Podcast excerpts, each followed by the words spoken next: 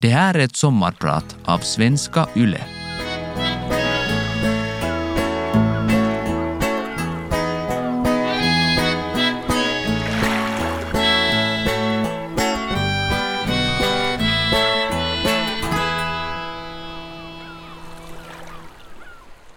Jag har sommarpratat en gång tidigare, år 2014, alltså för sex år sedan. Sedan dess har mycket hänt. Ett helt liv känns det som. Och det hörde jag också när jag nyligen lyssnade på mitt första sommarprat. Jag känner definitivt igen mig själv, men hörde också ett jag som inte längre finns.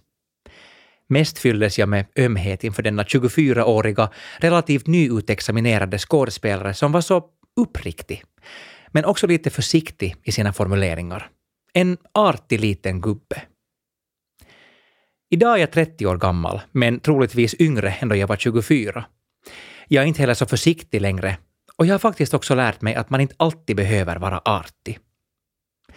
Det ska jag prata om idag, när jag har äran att sommarprata för andra gången. Jag tänker inte vara allmän. Tvärtom så berättar jag skamlöst specifikt om mitt eget liv. Men jag lovar att fortfarande vara uppriktig och sårbar. För jag ska också prata om vikten av att gråta. Mest kommer jag att tala om lyckliga tårar, men också om förtvivlade tårar. Jag heter Kristoffer Strandberg och jag är din sommarpratare idag. Lady Gagas A Million Reasons är en låt som hör ihop med tårar för mig. Starka, melankoliska men också beslutsamma tårar. Låten fångar nämligen ett särskilt ögonblick som jag har upplevt några gånger i mitt liv. Det där ögonblicket när du har en miljon orsaker att ge upp, att gå iväg. Men så finns där en orsak, en enda orsak att stanna kvar och kämpa vidare. Och det är det enda som behövs. En avgörande orsak. Jag har till exempel upplevt detta ögonblick av djup förtvivlan under mitt andra år på Teaterhögskolan, då jag kände mig fullkomligt otillräcklig, utan trovärdighet, ful och svag. Och samtidigt visste jag att det här är mitt kall, att skådespela. Det var jag har drömt om sedan barndomen och det är det jag älskar att göra. Den insikten var min avgörande orsak att orka fortsätta den gången då jag låste in mig på skolans toalett i femte våningen mitt under skoldagen för att gråta ut min förtvivlan. Jag har upplevt samma förtvivlan i ett parförhållande och senare i yrkeslivet. Men också de gångerna har där funnits en avgörande orsak som faktiskt alltid har varit passion eller kärleken i någon form, att stanna kvar. Jag har ännu aldrig gett upp när det verkligen har gällt, trots en miljon orsaker att packa väskan och åka hem till mamma. Och det har jag aldrig heller ångrat. En miljon orsaker att vara stolt och lycklig hade jag under min 30-årsdag som jag firade i augusti i fjol. Dagen firades med sjöutsikt i ett vackert gammalt stall som omvandlats till festlokal med bastant stenfot och romantiskt rustik röd bredfodring. Platsen kunde inte ha varit bättre med tanke på att min farfar var och min pappa är jordbrukare. En yrkesgrupp jag beundrar stort och som vi behöver. Faktiskt så var det mina föräldrar som fixade lokalen så att de säkert skulle få komma på festen. Passande nog så var stället också på gångavstånd från deras hem. Det var en solig och förvånansvärt varm augustidag. Jag var väldigt brunbränd efter en sommar som spenderats i en roddbåt och på ett suppbräde, nästan vithårig också tack vare solen och klädd i ny vit kostym när jag ställde mig upp och klingade i glaset. Alla gäster satt kring långborden i väntan på förrätt. Jag hade inte förberett ett tal, men jag ville presentera alla som var på plats i tur och ordning, berätta hur jag känner var och en och hur mycket de betyder för mig. Kring borden satt en väldigt blandad skara. Mina föräldrar, min bror, vänner som jag träffat av olika orsaker genom livet, någon som jag känt i 23 år och någon som jag träffade i fjol. Där satt grannar, mostrar, farbror, kusiner, min man och hans familj. Nästan 50 personer. Det var ingen lätt uppgift att från hjärta berätta inför alla hur mycket jag uppskattar varenda en. Jag klarade ungefär de 31 med enbart darr på rösten. Resten av tiden grät jag rakt ut. Men ingen närvarande förväntar sig något annat heller. De känner ju mig. Och det var faktiskt en otroligt viktig och fin erfarenhet. Att med sin 30-årsdag som ursäkt i princip säga till alla som man älskar att man älskar dem. Det enda som harmar mig är att jag åt så lite. Cateringen bjöd på enbart lokala delikatesser, olika fiskar, grönsaker, rotfrukter, svamp och bär från Sjundeå. Men jag hade så många samtal att föra, så mycket skratt, tal att lyssna och igen gråta till, dans och skålar att höja, att maten gick mig nästan helt förbi. Jag har förresten inte haft någon 30-årskris, ännu. Ska man ens ha en sån? Överhuvudtaget har jag tyckt att det är skönt att bli äldre. Det beror dels på att folk alltid trott att jag är äldre än vad jag är. Och med tanke på mitt sätt och hur jag uttrycker mig så kan jag bra förstå det. Till saken hör också att jag länge var yngst i olika sammanhang. Först på min årskurs i Teaterhögskolan, jag var 18 år då jag kom in, och sen var jag ofta yngst i olika arbetsgrupper. Det gjorde att jag nog alltid försökte kompensera min unga ålder genom att vara så mogen och reflekterande som möjligt. Nu för tiden är jag sällan yngst i arbetsgrupper.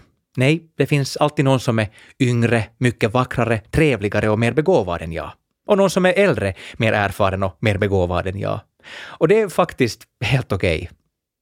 Idag nickar folk snarast medhållande när de hör min ålder. Jo, jo, han verkar nog som en 30-åring. Och det är också helt okej. Okay. För så ser jag ut och så känner jag mig. Jag tror jag är du med min ålder för första gången på länge. Med åldern har jag också blivit vildare i den bemärkelsen att jag bryr mig mycket mindre om vad andra tycker och tänker om mig. Så jag varnar er. När jag är 80 tänker jag vara fullständigt redlös, hejdlös och lös i största allmänhet. Så efter 30 år i livet tänker jag att det är ganska okej okay att åldras, att få erfarenheter och perspektiv. Ordet vuxen är jag ändå ganska allergisk mot, i alla fall när vuxenhet innebär en avsaknad av mod ett cyniskt sätt att tänka på allt som kunde ha varit, istället för att jaga allt som kunde vara. Jag tänker att en bra vuxen är ett barn med bättre impulskontroll och en förmåga att ta hand om sig själv och andra. För barnet har modet att ta emot varje morgondag som en ocean av möjligheter och äventyr.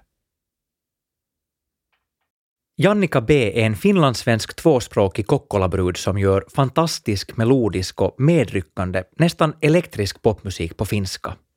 Jag träffade, blev vän och beundrare av Jannika när vi i fjol tävlade i MTV3s underhållningsprogram Tanssi tähtien kanssa, eller Dansar med stjärnor som det brukar översättas till. Programmet går alltså ut på att kända personer paras ihop med professionella dansare som varje vecka lär ut en ny dansstil till sin kärnelev i tio veckors tid. Efter varje livesända program på söndag kväll när alla par framfört sin dans faller det par som fått minst domarpoäng och TV-publikröster ut. När jag blev uppringd och fick frågan om jag kunde tänka mig att ställa upp i programmet svarade jag nog lite för upphetsat att jag definitivt kunde tänka mig det. Jag blev också tillfrågad ifall jag hade önskemål gällande mitt danspar. Det hade jag. Jag hade ett önskemål som heter Jutta Helenius. Jag har i flera år beundrat Jutta för hennes otroliga utstrålning av värme, känslighet och ljus, för att inte tala om hennes yrkeskunskap och uttrycksfullhet som dansare. Jag föreställde mig att vi två kunde passa bra ihop, och jag hade fullkomligt rätt. Vårt första möte på produktionsbolagets kontor kändes faktiskt lite som en första dejt. Pirrigt, spännande och så vill man göra det bästa möjliga första intrycket. Men när vi väl hälsat, bägge erkänt hur sjukligt ivriga vi är över vår gemensamma resa, slappnade vi av och jag tänkte för mig själv, det här blir bra. Det häftiga med pardans och att öva på pardans är att man oundvikligen kommer varandra otroligt nära. Först fysiskt men därigenom också psykiskt. Efter bara ett par veckor blev vi väldigt bekanta med varandra, varandras kroppar, varandras språk och sätt att se på dans och världen. Och på grund av att vi dansar till musik som vi själva valt, musik som betyder något för oss, delar vi också ytterst personliga minnen och berättelser med varandra. Om vår uppväxt, om människor som format våra liv, om livets största sorger och glädjestunder. Och så mitt i allt, bara efter några veckor av att ha medverkat i Finlands största och mest sedda underhållningsprogram, hade jag i mitt danspar hittat en bråddjup förbindelse. En själsfrände och vän för livet. Och trots att Jutta och jag vann själva tävlingen efter över tio veckor av oerhört hård träning, triumfer men också felsteg, för att inte tala om tårar, så var den största vinsten att Jutta efter det hela sa att hon i mig hade hittat en fullvärdig danspartner. Det är stort, för jag vet vad det betyder för en dansare. Jag heter Kristoffer Strandberg och har glädjen att vara din sommarpratare idag. Att tacka ja till Tanssi tähtien kanssa var ett lätt svårt beslut. Lätt för att jag tycker att programmet är fantastiskt och för att det är en ära att bli tillfrågad, men också för att jag alltid har velat lära mig dansa. Ni vet, dansa på riktigt. Svårt var det för att jag vet vilken publicitet programmet innebär och vilka bieffekter publicitet kan medföra. Och visst funderar jag också på min identitet som skådespelare i ett program där jag skulle medverka som mig själv, utan en roll. Men jag kom fram till att om någon efter detta enbart kan se mig som den där i det där programmet, så är det deras förlust och inte min. Tanssi i tähtien kanssa kan te sig som världsmästerskap i lätt underhållning. Det är ju dels meningen. Det är glamoröst, alla i rutan är fixade från topp till tå, musiken är vacker och känslorna stora. Men jag kan intyga, från insidan är allt äkta. Nå, kanske inte glamouren. Det må se underbart ut på TV, men i själva verket filmas programmet i en sliten betonghall på Finlands fulaste, halvt övergivna industriområde, i Vanda. Det är ont om toaletter och iskallt i omklädningsrummen. Men känslorna och tårarna är äkta och motiverade. Grejen med dans är att för kroppen finns inga lögner. Din kropp tror och reagerar på den historia du berättar genom dansen. När du på allvar hänger dig till rörelser tillsammans med en annan människas kropp berörs du och kan inte värja dig mot känslorna. Det är det som händer i Tanssi tähtien kanssa. Riktiga människor som känner riktiga känslor. Men det var inte enbart lyckliga, lättade eller berörda tårar under TTK-hösten. Jag grät också i kulisserna av utmattning. För att inte låta onödigt dramatiskt vill jag understryka att jag 96, okej 94 procent av tiden gjorde annat än grät. Jutta och jag tränade så gott som varje dag under våra cirka 13 veckor tillsammans. Men utöver det hade jag förstås mitt vanliga jobb. Uppträdanden, möten, inspelningar, planering och en teaterpremiär mitt i det hela. Inte vilken premiär som helst heller, utan Duvteaterns premiär av föreställningen I det stora landskapet på Svenska Teaterns stora scen i Helsingfors. Duvteatern är en teatergrupp för scenkonstnärer med olika funktionsvariationer. Jag har medverkat som stödskådespelare i gruppen i fem år. I det stora landskapet är en föreställning av episka proportioner, skriven av skådespelarna själva, där en saga i stil med Det var en gång berättas parallellt med en av skådespelarnas livshistoria, bland annat om hur det är att leva med funktionsvariation. En berättelse och ett perspektiv som jag aldrig har sett på en scen. Därför var just denna premiär oerhört viktig för mig som medlem i en ensemble, men också personligen, som konstnär, människa och vän. Detta pågick alltså samtidigt som Tanssi tähtien kanssa, som också var oerhört viktigt och stort för mig. När man brinner för allt man gör kan man lätt bränna sig. Men när man får göra det man verkligen vill och älskar, när man nästan behöver få göra just det, orkar man också med förvånansvärt mycket. Med det sagt kommer jag nog aldrig att glömma premiär och Jive-veckan. På lördag skulle Duvteatern ha premiär och på söndag ska jag framföra en fullkomligt vansinnig Jive-koreografi med Jutta inför en miljon TV-tittare. På torsdag tappar jag allt hopp. Inte inför föreställningen men inför jiven och dansande överlag. Tiden tar slut, jag lär mig inte stegen, jag är för dum och långsam, jag orkar inte, tänkte jag. Vi kommer att röstas ut ur programmet och det är mitt fel och sen kommer jag att skämmas men vara tvungen att intyga alla att jag är helt okej, okay, det är ju bara på TV. Efter en obestämd tid av ångestfyllt förlamat hulkande på golvet i ensamhet i vår träningssal ställde jag mig upp, tryckte igång den där jävla Barbie Girl-låten som vi skulle dansa till och upprepa mina steg tills jag inte längre var förtvivlad utan bara förbannad. Och det lönade sig. Premiären gick suveränt och jag kunde inte vara stoltare över att få vara en del av Duvteatern. Och Jiven, den gick för första gången helt rätt under söndagens direktsändning, alltså då det verkligen gällde, med den följden att vi fick våra första fulla poäng av domarna och tappade våra hakor. Fem veckor senare vann vi hela tävlingen tack vare tittarnas röster.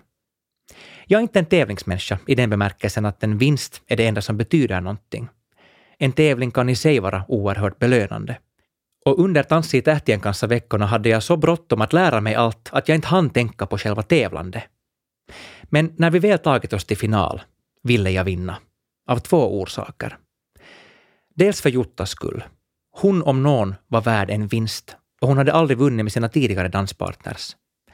Det skulle betyda allt för mig om jag skulle lyckas vara en tillräckligt värdig danspartner som lyckas föra Jutta till en vinst. Men jag ville också vinna för att motbevisa mig själv. För jag hade upptäckt en mörk tanke som gnagde i mig, en idé om att vissa nog inte skulle rösta på oss helt enkelt på grund av den jag är. Att, låt oss säga, Mauri och Pekka från mellersta Finland inte kommer att kunna se på vår dans utan att se den där finlandssvenska bögen. Att folk inte ser förbi sina fördomar och förakt. Där hade jag fel. För tillräckligt många, kanske också Mauri och Pekka, röstade på oss och vi vann. Vår seger motbevisa min trångsynthet. Det gjorde mig väldigt, väldigt lycklig. Att medverka i underhållningsprogram såsom Putous och Tanssi tähtien kanssa har gjort att jag har blivit ett bekant ansikte för många finländare utanför ankdammen, i stora, farliga finska Finland. Att vara känd är inget jag har drömt om eller strävat efter, men jag har varit fullt medveten om att en viss offentlighet är oundviklig om man är med på TV i program som en femtedel av folket tittar på. Jag har accepterat det som en del av dealen för att få utmana mig själv och utvecklas som skådespelare och humorskapare.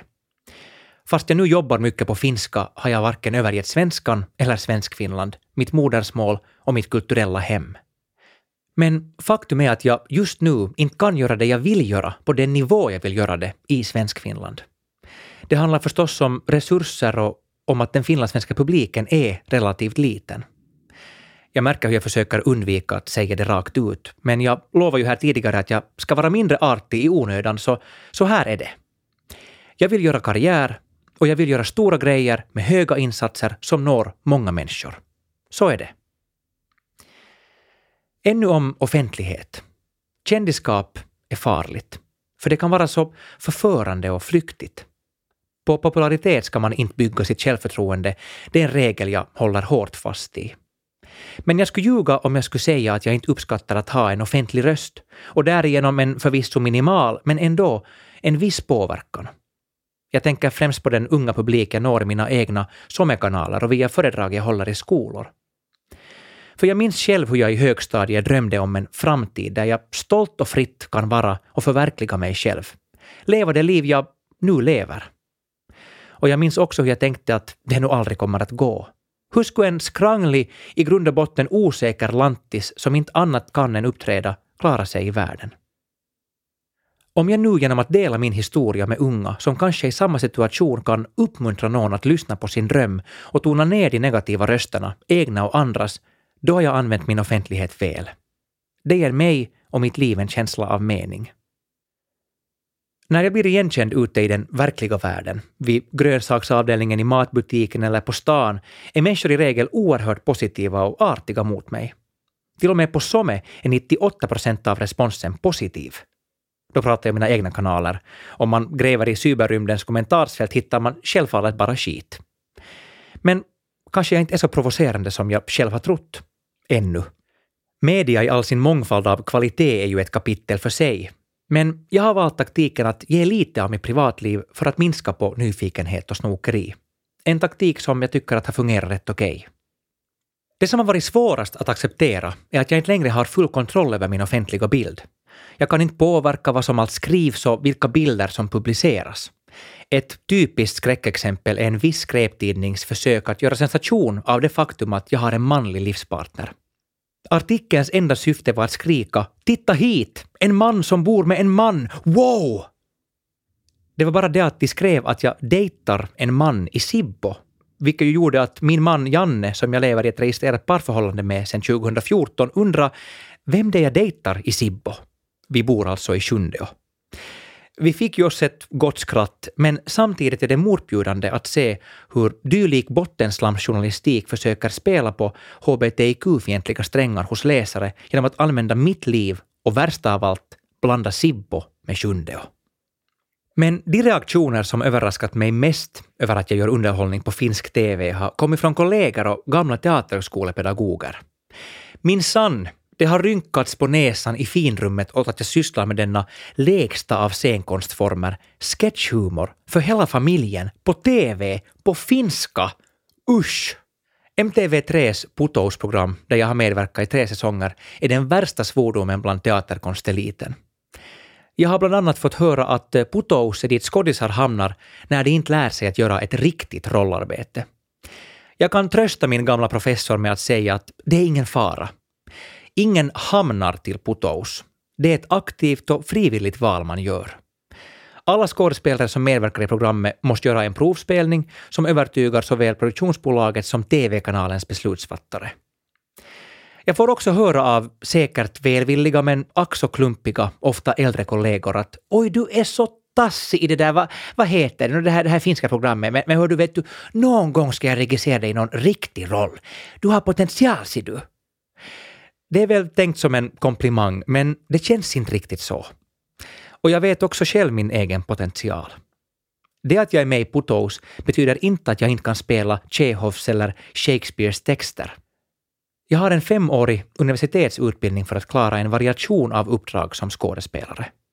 Så bara för att jag inte uppfyller den förlegade bilden av den riktiga konstnären som en slags mytologisk figur omspunnen i lidelse och svårmod som bara sysslar med djupanalys av livets smärta och dödens oundviklighet, så är jag inte en sämre skådespelare för det. Sen får var och en såklart tycka att det jag gör är dåligt, men det krävs också hårt arbete och yrkeskunskap för att göra dåliga saker. Förut skulle ett dylikt förakt från de egna ha varit förkrossande för mig. Inte idag. Jag fäller inga tårar inför högmod. Tvärtom så påminner det mig enbart om att lyssna på min egen intuition och på dem som jag vet att vill mitt bästa. Och det är som tur många. Jag har hittills gått min egen väg och är nöjd över vart den har burit. Så jag fortsätter att gå. Rak i ryggen dessutom. 15 december 2017. Ett datum jag minns allt för väl. Nämligen det var dagen då vårt flyttlass åkte från Helsingfors till Sjundeå, till min barndoms hemkommun. En dag då jag också hade två föreställningar av revyn Det ordnar sig Sapiens på Lilla Teatern i Helsingfors. Jag och Janne vaknade klockan sex och fortsatte packande som vi började med flera veckor tidigare. Sen stack jag till teatern för den första föreställningen och Janne fortsatte med det tröstlösa packande. Mellan föreställningarna tog jag mig tillbaka till vårt blivande före detta hem, bara för att upptäcka att lägenheten var tom. Alla saker, möbler, elektronik, kläder, alla kärl hade redan åkt iväg med min stackars bättre hälft, några vänner och fem fantastiska flyttkarlar. Så där stod jag, utmattad av flera veckor av flyttplanering och flyttkaos och alla föreställningar och andra jobb.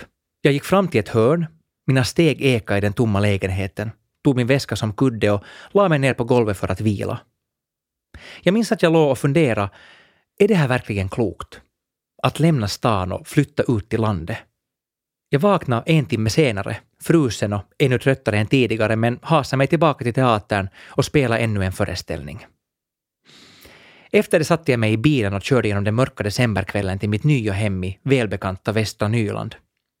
Janne hade med hjälp av vänner och familj fått otroligt mycket möbler och saker på plats. Och när jag satte mig vid vårt köksbord och såg mig omkring visste jag svaret. Jo, det här är det klokaste vi kunde ha gjort. Att flytta till landet och komma bort från stadens stök. Stökiga dieseltaxibilar som kör skytteltrafik under fönstret dygnet runt.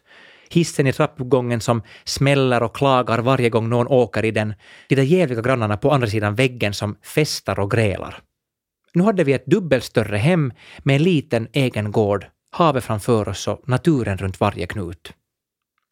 Nu har vi bott i Sjunde i över två år och desto mindre saknar jag livet i staden. Stadsliv får jag i perfekta doser via mitt jobb och via sociala tillställningar, men faktum är att jag behöver naturen för att klara arbetslivets hektiska rytm. Det är hälsosamt att konkret se att berget på bakgården, havsörnen i skyn och grannarna i skogen är fullständigt ointresserade och opåverkade av vad som händer på jobbet. Det ger mig lugn och trygghet att se mig omkring och komma ihåg att jag faktiskt bara är en liten människa. Det är inte så allvarligt. Jag följer med årstidernas gång i naturen med lite för stor iver och entusiasm. En insikt jag har fått tack vare den fågelrika havsvik vi bor vid är att gråhägern minsann är en klumpig, ful och ganska jäklig fågel. Och ändå älskar jag den. Den hör hemma här, precis som jag.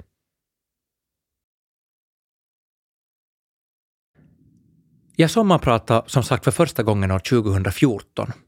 Den gången pratade jag bland annat om starka kvinnor som format mig, däribland min mormor som redan då hade gått bort. Men jag hade inte då ännu mist min morfar. Honom fick vi hålla till 2015, då han en väldigt stormig decemberkväll beslöt att lätta ankar och segla iväg till Mommo, sjöman som han var. Jag pratade då också om min mamma och mina mostrar som kvinnor jag beundrar. Och jag vill göra det igen. För till skillnad från min mormor som fick vara rätt så frisk och kry tills hon plötsligt somnade in, så drabbades min morfar av en minnessjukdom som blev värre mot slutet. Han var mindre och mindre närvarande i denna verklighet. Jag följde med beundran och förundran med hur min mamma och hennes systrar styrde upp sina liv och satte sina egna känslor åt sidan för att tillsammans göra det bästa av sin pappas sista tid. Det var sorgligt och smärtsamt, men oerhört värdigt. Att se en förälder långsamt försvinna är inte lätt. Framförallt inte en förälder som aldrig suttit still, som seglat runt i sju haven, levt ett mångsidigt och överraskande yrkesliv, som pilka, fiska och jaga och som samlar på allt möjligt och som alltid fixar på något. Sån var min morfar. Ett av mina favoritminnen av honom är att han ute i skärrin alltid körde motorbåten med gasen i botten mot bryggan och först i sista stund bromsa in just på rätt ställe, förtöjde båten och hoppade i land. Det skulle gå undan. Så hade han ett pillemariskt leende när han bjöd oss barnbarn på äppel eller choklad, ofta båda, och sa något obegripligt men roligt. Och så var han oerhört intresserad av historia, något som jag har ärvt.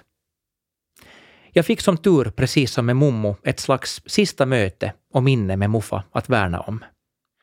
Jag besökte honom på avdelningen där han låg. Det var just då matdags och vårdaren frågade om jag ville mata honom. Först kändes tanken konstig. Jag är ju barnbarn i vårt förhållande, men livet har en förmåga att kasta om rollerna. Så jag matade honom och det var inget konstigt med det. Efter det satt jag hos honom i någon timme och han ville så gärna kommunicera. Vi pratade om allt möjligt, men jag är inte säker på att vi pratade om samma saker. Men så plötsligt tog han min hand och tittade mig rakt i ögonen, helt lugnt. Jag vet inte om han kände igen just mig i den stunden eller vem han såg. Men där satt vi tysta och höll varandra i handen. När jag gick därifrån var jag samtidigt lugn och förkrossad över att det antagligen var vårt farväl. Det var det. Men denna stund hjälpte mig också i sorgen. Jag inledde mitt förra sommarprat med Arja Saijonmaas Evigt gröna, Högt över havet, just på grund av att havet alltid varit närvarande i min släkts historia. Men också för att jag just då turnerade med min föreställning Skamlöst, där jag bland andra imiterar Arja Saijonmaa, Nordens bästa finska diva enligt mig, och enligt sig själv. Vi ska lyssna på Arja också nu, men Texten är Lasse Berghagens. Och det är just texten jag har fastnat för. I min fantasi ser jag min morfar när jag hör den. Avslutningsvis vill jag ännu lyfta fram ett jobb som befriar mig från den där farliga vuxendomen som jag pratade om tidigare. Ni vet när man blir så där vuxen att man blir rädd för att göra bort sig och blir besviken och därför hellre bekvämt stampar på stället. Jag fick fast mig själv för att vara just sån våren 2017 när en gammal bekant, Samuel Harjanne, tog kontakt och sa att han regisserar en musikal vid namnet Kinky Boots för Helsingfors stadsteater och att jag absolut borde komma på audition. Kinky Boots hade gjort succé världen över sedan sin första föreställning år 2012 i Chicago och nu skulle den få sin urpremiär på finska. Musikalen handlar om Charlie som ärver en skofabrik i 90-talets England och fabriken håller på att gå i konkurs. Av en slump krockar han med den fabulösa dragqueenen Lola på Londons gator som han efter många om och men blir vän med och som han tillsammans med räddar skofabriken och alla anställdas jobb då de börjar tillverka skor som Lola designar. Alltså kinky boots, skor för sådana kvinnor som är män. Samuel ville att jag skulle söka rollen som en av Lolas drag angels, ett gäng glamorösa och häftiga dragqueens. Rollen skulle vara krävande, såväl sång som dansmässigt med fem stycken nästintill akrobatiska shownummer. Så vuxna, bekväma jag tänkte bara på hur lång tid det gått sedan min senaste dans eller sånglektion.